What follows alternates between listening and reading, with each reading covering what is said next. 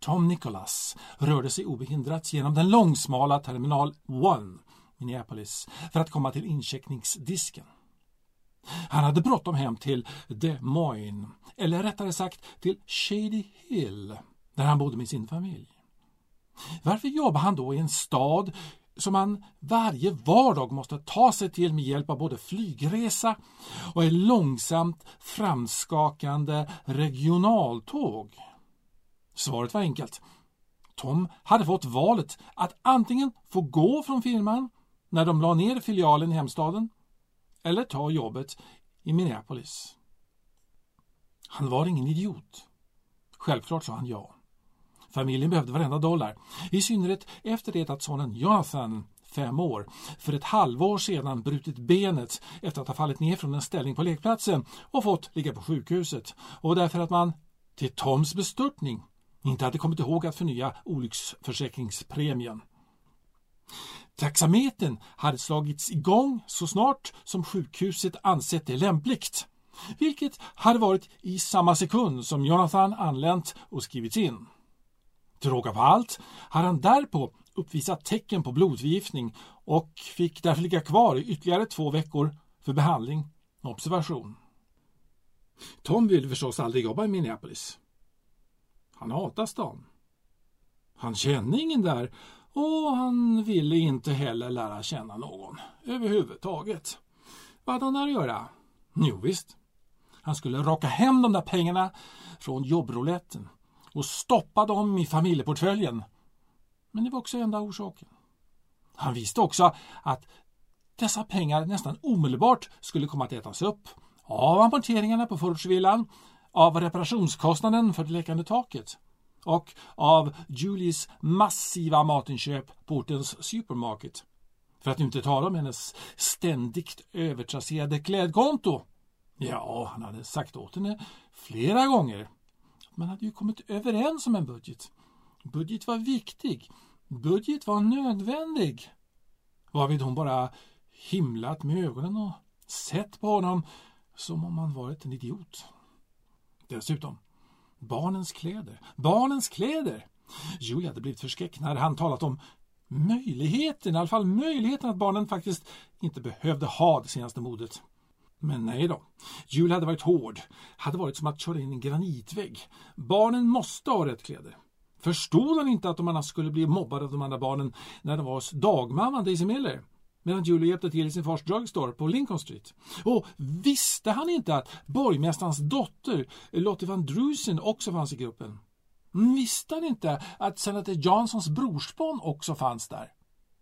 Förstod han verkligen inte att om man spelade korten rätt kunde det hända att hon fick bjuda hem borgmästarens fru Elisabeth på te när rätt tillfälle infunnit sig.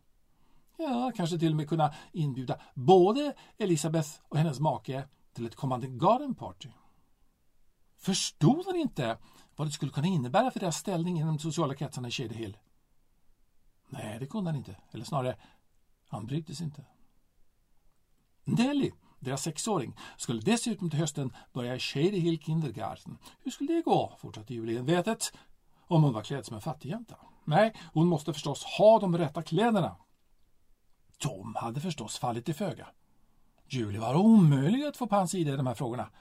De så kallade rätta kläderna betydde alltså det senaste modet. Och det senaste modet betydde att mer dollar hela tiden ständigt behövde pumpas in. Men han hade villigt offrat sig. Så gör en man för sin familj. Tom sa inte ett ont ord till Julie. Men varför skulle hon göra det? Hon tänkte på barnens bästa. Det borde han också göra. Och han trodde sig göra det.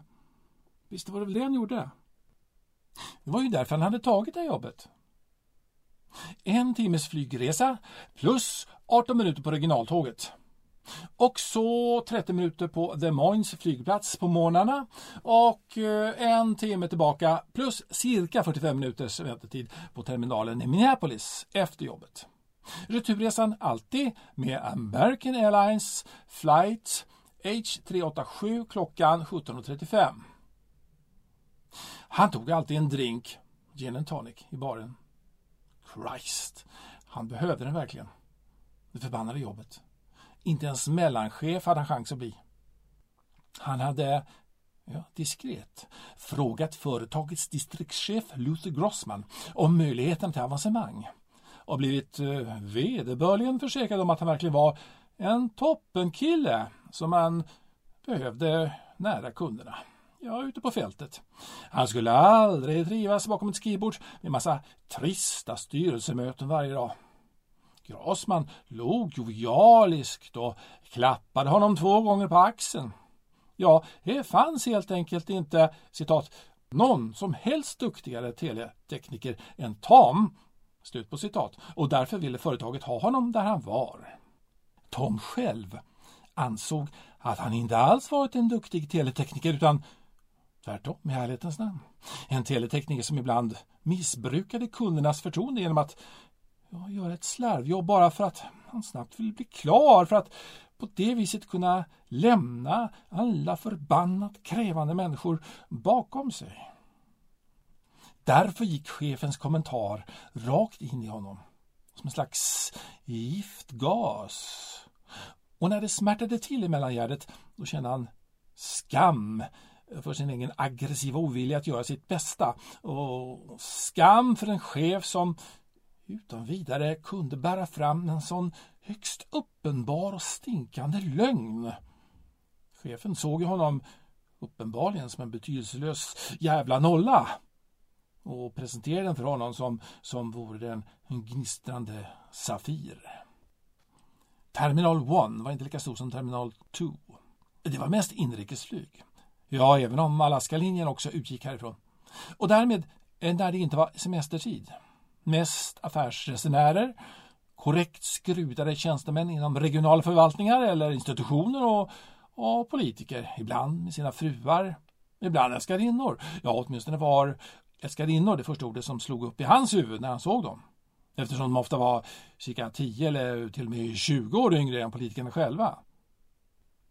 Flickorna fnittrade gärna samtidigt som de höll för munnen som om de gjort något fult. De rökte mentolfilter, cigaretter, hade signalrödmålade läppar. De gick alltid högklackat och rörde sig överdrivet kvinnligt. Tom brukade betrakta terminallivet som en zoolog, studerade livet i en myrstack. Det var intressant men saknade fullständigt känslomässigt innehåll. Han gick till tidningsståndet och köpte sig en Time Magazine att förstöra sig med under resan. Att fortsätta planera morgondagens arbetsuppgifter på planet? Nej, aldrig i livet. Någon jävla måtta fick det vara.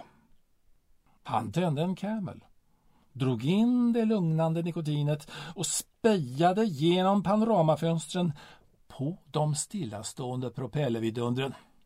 På källtankbilarna, på den uniformsklädda markpersonalen som, varifrån Tom stod, faktiskt gav intrycket av betydelselös litenhet och på de överlastade bagagefordonen som sävligt rullade fram och tillbaka mellan planen och de två terminalerna.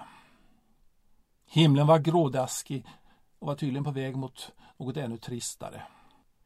I bakgrunden, högt ovanför hans huvud, gapade genom det interna högtalarsystemet den lätt ekande stämma som alltid lika livlöst talade om vad som hade hänt och vad som skulle komma att hända i och omkring terminalen. Hans plan, American Airlines Flight H387, var förhållandevis litet. Eftersom det var ett plan som i det närmaste körde i skytteltrafik, ja, då tog man bara högst 80 passagerare per flight. Det störde honom inte. Bara fick sitta i fred för eh, påtagligt berusade, parfymstinkande eller övermåttan pratande med passagerare. Boarding var raskt avklarat. Hans säte var nära stjärtfenan, längst in mot fönstret. Han ville gärna se ut och han ville helst se planets vinge, vilket han nu gjorde.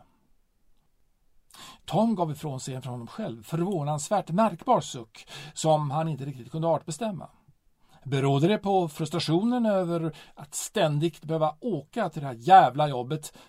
Eller var det en lättnad för att äntligen få komma till hemstaden och familjen. Han grubblade. Ända tills en kort, tunnhårig herre med eh, prickig fluga, hornbågade glasögon och gråsvartrandig kostym slog sig ner i stolen bredvid. Karln såg eftermiddag och gav en antydan till ett artigt leende. Tom eh, mumlade ett svar tillbaka innan han tog upp sin Time och försökte läsa en artikel om framtidens rymdresor. Forskarna trodde sig inom en inte alltför avlägsen framtid kunna få upp en raket med en livslevande astronaut i och sedan få honom att resa jorden runt och slutligen få ner honom säkert på jorden igen med hjälp av fallskärmar. Planet taxade ut från terminalområdet i vad som det verkade vara en evinnerlig tid. Så gav piloten gas, motorerna vrålade till, vinklaffarna placerades i rätt läge för take-off och den spolformiga, tunga metallkroppen bestämde sig äntligen för att lämna marken. Plötsligt såg Tom en bländande blixt genom kabinfönstret. Så kom ännu en. Himlen hade blivit sotsvart. Tom eh, såg sig omkring bland medpassagerarna men ingen annan tycktes ha reagerat på blixtarna. Han skakade av sig sin olust och vände blad till de inrikespolitiska nyheterna. Planet började sjunka på ett sätt som han vände sig om till sin bordsgranne. Ursäkta, men det här planet verkar... Eh, är det något fel? Fel? Mannen med den prickiga flugan betraktar honom misstroget. Jag menar, Tom letar efter fortsättningen. Jag har åkt på den sträckan ofta och vi brukar aldrig förlora höjd på det här viset efter 20 minuter. Förlora höjd? Har planet förlorat höjd? Flugmannen såg plötsligt mycket rädd ut. Propellerplanets jämna och voluminösa brummande avbröts nu av tre, fyra stötande, hostande motorljud innan det återfick sitt normalbrummande. Ursäkta mig. Tom hade rest sig för att ta reda på flygvärdinnan. Hon måste i alla fall veta om lamporna slocknade, tändes igen och började nu pulsera mellan på och av. En ögonblicklig oro spreds nu genom flygplanskroppens celler. Passagerarna. Vad är det som händer? ropade en mansröst vresigt. Det knastrade till i högtalarsystemet. Här är det kapten Robert Wilson som talar. Jag har vissa problem. Vi har kommit in i kraftigt lokalt oväntat oväder med stark turbulens. Ni anmodas att genast återvända till era platser och att ni spänner för säkerhetsbältena och eh, Kaptenen gjorde en dramatisk paus. Tom väntade. Pricka flugamannen likaså. Liksom de övriga 64 passagerarna.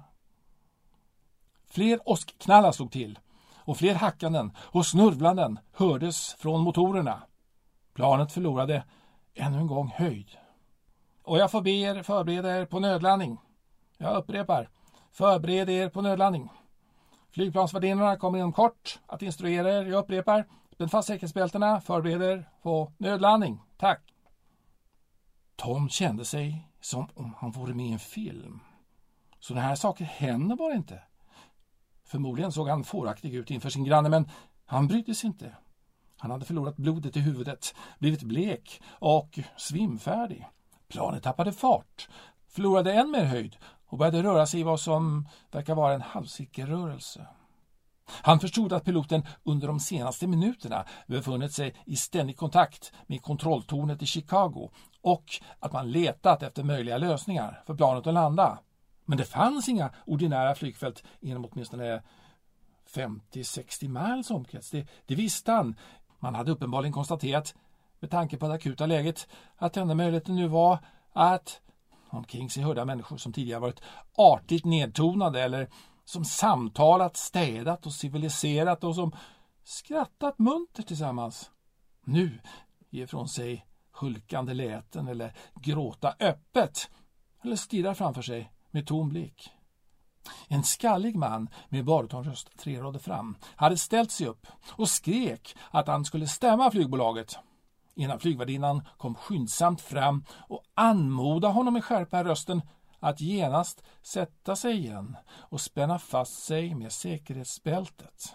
En vithårig gumma på andra sidan mittgången hade tagit fram det krucifix hon bar om halsen och kysste det medan hon upprepade Heliga Guds moder Maria, heliga Guds moder Maria, förbarma dig över mig, heliga Guds moder Maria.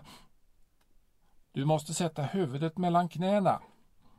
Ja, det var Toms granne som bad honom att följa de inplastade instruktioner som han läst så många gånger i samband med resan, men som han aldrig ändå inte tagit till sig. Tom lutade sig lydigt framåt och placerade huvudet mellan sina knän bredvid prickflygmannens kurande tunna gestalt. Men han märkte strax att han fick svårt att andas och saliven fastnade i halsen och han satte sig upp igen. American Airlines flight H387 ömsom sjönk, ömsom steg igen. Chassit vibrerade och skakade medan motorerna morrade. Tom insåg att flygplanskroppen utsattes för oerhörda påfrestningar.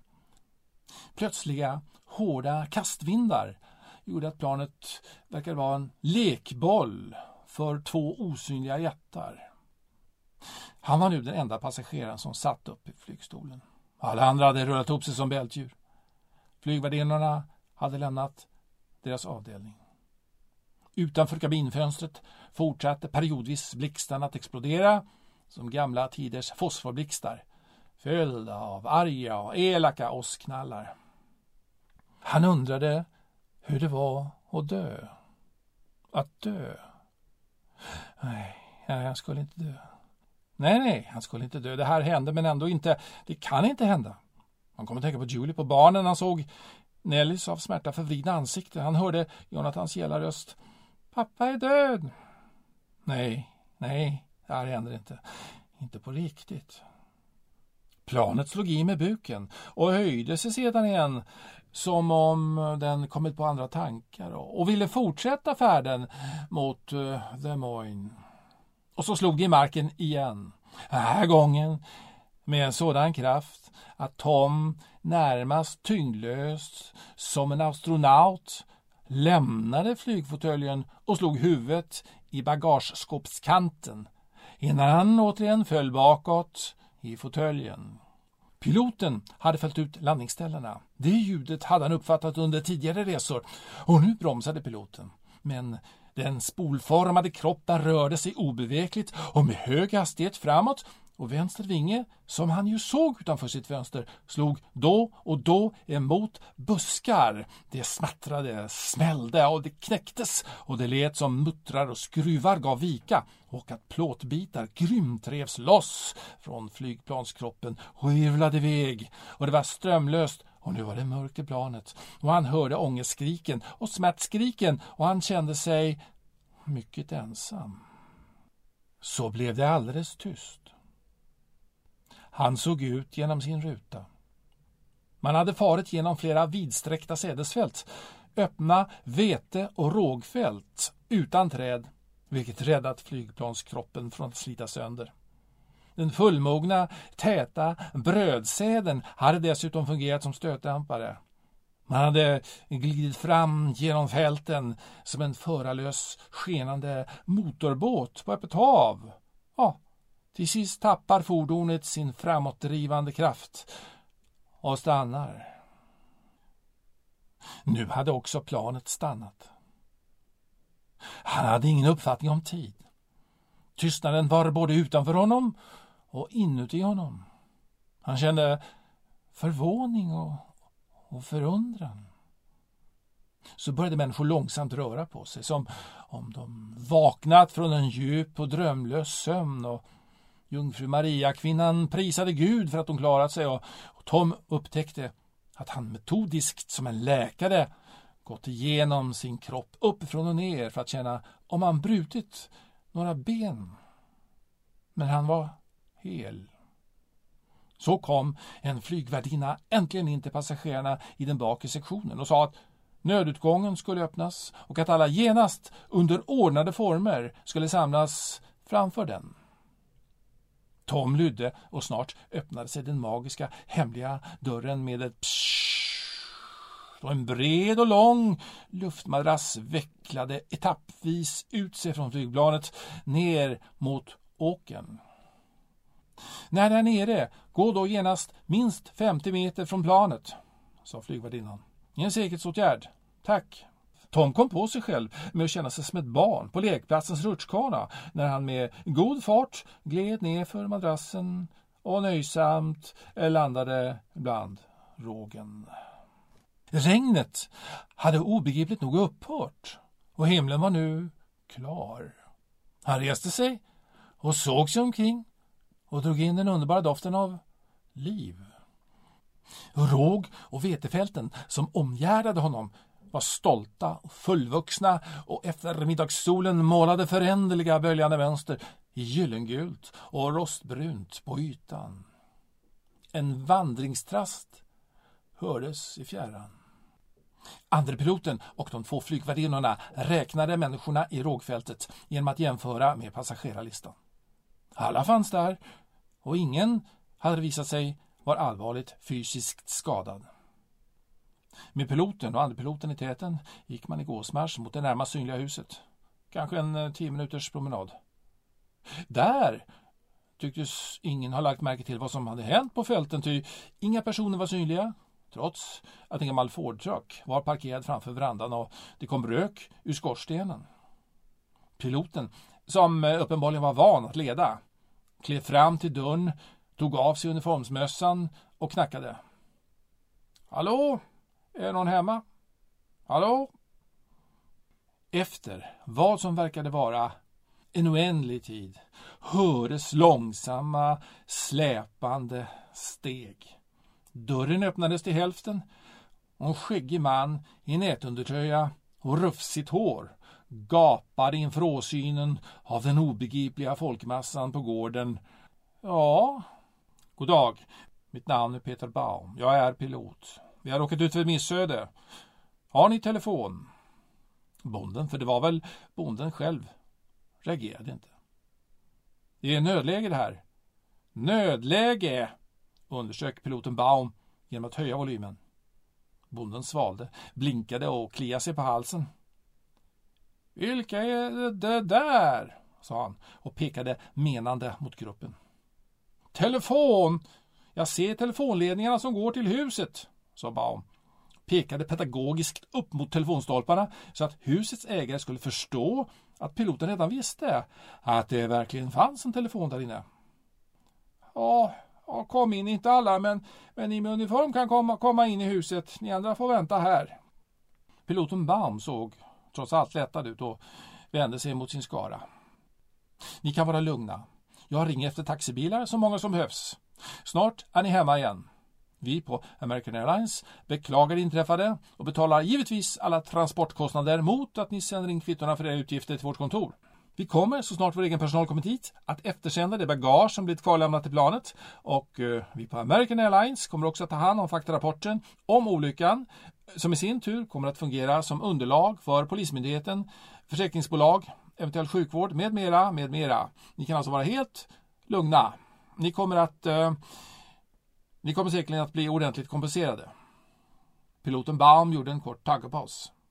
Ja, det där är en sak för försäkringsbolagen, förtydligade han. Har ni några frågor innan jag ringer? Finns det vatten att få? undrade en fräknig tonårsgrabb i turtleneck och tittade mot bonden, som inte gärna kunde neka. Efter att ha stoppat in en buss tuggtobak i munnen pekade han snett bakom sig med tummen. Finns en brunn bakom huset. Spann och stav vid sidan av. Går det väva ner med kedjan där? Klungan delade upp sig i de som ville dricka eller tvätta sig och de som bara ville vila. Dessa senare slog sig ner på gräsplanen framför bondens hus. Några ännu oförmögna att säga något vettigt. Andra babblade i det närmaste oavbrutet för att återge vad som hänt och hur lyckliga de var över att ha överlevt. Taxibilarna var snart där. Man pressade in sig efter förmåga. Några, bara män, hade återvänt till vraket och hämtat sitt bagage sedan de försäkrat sig om att planet inte skulle kunna börja brinna. Andra hade sagt att de inte för en miljon dollar skulle gå tillbaka till det störtade planet igen. Själv hade Tom ingenting med på flygresan annat än sin tunna portfölj och den hade han av ren vana greppat tag i innan reservutgången öppnats. Nu höll han i den. Inte för att han hade något av värde alls i portföljen, bara interna arbetsrapporter och arbetsschemat. Utan därför att den ingav honom en känsla av normalitet. Normalitet. Och så hade han kommit till Des Moines och satt sig på regionaltåget till Shady Hill och han såg ut genom fönstret och la märke till skymningens skönhet. Han hade satt upp högerhanden framför sig och rört på fingrarna och konstaterade att han kunde röra på dem. Han spände ut fingrarna till sin fulla längd och förde dem tillbaka igen. Han stirrade på sina ben och började föra sina fötter fram och tillbaka över tåggolvet. Fram och tillbaka. Fram och tillbaka. En medpassagerare vek ner sin kvällstidning och tittade strängt på honom. Kan ni inte vara lite tystare? Ja? Det finns faktiskt folk här som vill läsa. Tom eh, mumlade något och slutade röra sina fötter. Den välbekanta husreliefen fick hans puls att öka. Julie och deras två barn väntade honom där inne och han var inte mer än en timme försenad. Han undrade om radio eller tv sagt något om flygolyckan. Han klev in genom den välbekanta dörren och gladdes åt ljudet av de tjoande och stojande barnen. Hans fru blev synlig. Hon stod vid spisen och vände sig emot honom. Maten har väntat på dig och jag har också väntat på dig. Du kan väl ringa när du arbetar över? Tom kom ur spår. Han kände sig förvirrad. Han, han kunde visst ha ringt Julie e. i Des Moines, men han ville bara hem. Ögonen famlade från frun och över till barnen som satt på golvet och lekte. Ja, Julie, självklart skulle jag ringt dig, men eh, ja, det får gå ändå, klippte frun av. Köttet är lite bränt, men det får vi skära bort. Och nu ska vi alla in i matsalen, klockan är mycket. Jag är inte hungrig, sa Jonathan. Jag är inte heller hungrig, sa Nelly. Inte på meatloaf. Jag vill ha glass. Jag vill också ha glass, ropade Jonathan. De hade rest sig och tågade runt mamma medan de skanderade Vi vill ha glass, vi vill ha glass. Tom såg kärleksfullt på dem. Han böjde sig ner och sa Det är klart att ni ska få glass, barn. Tom, du skämmer bort dem. De får ingen glass. De får ingen efterrätt alls om de inte kommer till matbordet och äter meatloaf och grönsaker. Men, men idag, prövade Tom. Vad är det med idag? Julie såg på honom med den där rynkade pannan som Tom visste betydde att hon var skeptisk och irriterad. Ja, jag råkade ut för... Uh... Han undrade hur han skulle presentera katastrofen. Jag råkade ut för ett missöde idag. Ett missöde, betonade han i hopp om att Julie skulle be honom att utveckla tankegången. Det gör vi allihop, sa Julie. Jonathan ramlade ner från äppelträdet och fick ett skrapsår. Och det gjorde ont så in i helvete, sa sonen med stora glada ögon. Svär inte, förebrådde Julie sonen. Tom såg på sin son och sen tillbaka på Julie. Jo, men, men det skedde när jag satt på planet hem. Kanske man kommer att säga något om det, om det här missödet på tv ikväll? Det tror jag knappast, sa Julie, tillsammans med ett uttryck i ögonen som om hon trodde att Tom försökte undanhålla den egentliga orsaken till förseningen för henne. Nu ska vi i alla fall äta meatloaf. Ta den här brickan, Tom, så tar jag karaffen med vatten. Hon hade placerat metallbrickan framför hans bröstkorg. Men eh, Julie var redan inne i vardagsrummet. Men Julie, men Julie, det var planet. Planet från Minneapolis. Vi, vi gick ner på ett fält och jag vet inte exakt var, men, men det var ett fält. Jävla skitunge! Det var Nelly som, vän mot Jonathan, uttryckte sin ilska över att ha fått en klick smör kastad på vänstra kinden. Jonathan! Julie reste sig från bordet för att tillrättavisa Jonathan, som dock redan hunnit springa iväg från middagsbordet och ut i köket igen. Julie satte sig igen och gav ifrån sig en lågmäld suck. Jonathan stack in huvudet igen. Det var inte jag som började, det var Nelly. Jag struntar i vem som började, Jonathan, sa Julie uppgivet. Kom och sätt dig, ät middag nu. Jag ska be få säga att det visst var Jonathan som började. Han började retas med mig och sen drog han mig i håret, sa Nelly trumpet. Tom, Gör något, sa Julie. Tom reste sig, gick ut i köket och satte sig på huk framför Jonathan, som nu satt och lekte med en brandbil. Jonathan. Pojken sa ingenting, utan körde bara bilen fram och tillbaka, fram och tillbaka under det att den gav ifrån sig ett påträngande sirenliknande ljud som från en jamande katt. Jonathan, vet du att jag idag varit med om en, en flygplansolycka? Pojken såg inte på honom utan tog fram en polisbil och började köra den fram och tillbaka, fram och tillbaka. Ja, det var ganska farligt, Jonathan. Vi landade i en stor rågåker. Jonathan slutade köra, tittade på sin far och sa Rågåker, varför det? Vad dumt. Vi borde landat på en flygplats. För det vet jag att man ska göra. Tom höll med. Ja, jo, vi var på väg till en flygplats, men sen måste vi landa på den här åken. Jättedumt, sa Jonathan, reste sig upp och rusade in till middagsbordet igen. Tom reste också på sig. Han stod stilla, säkert en minut, och vaggade fram och tillbaka medan han tittade ner i golvet.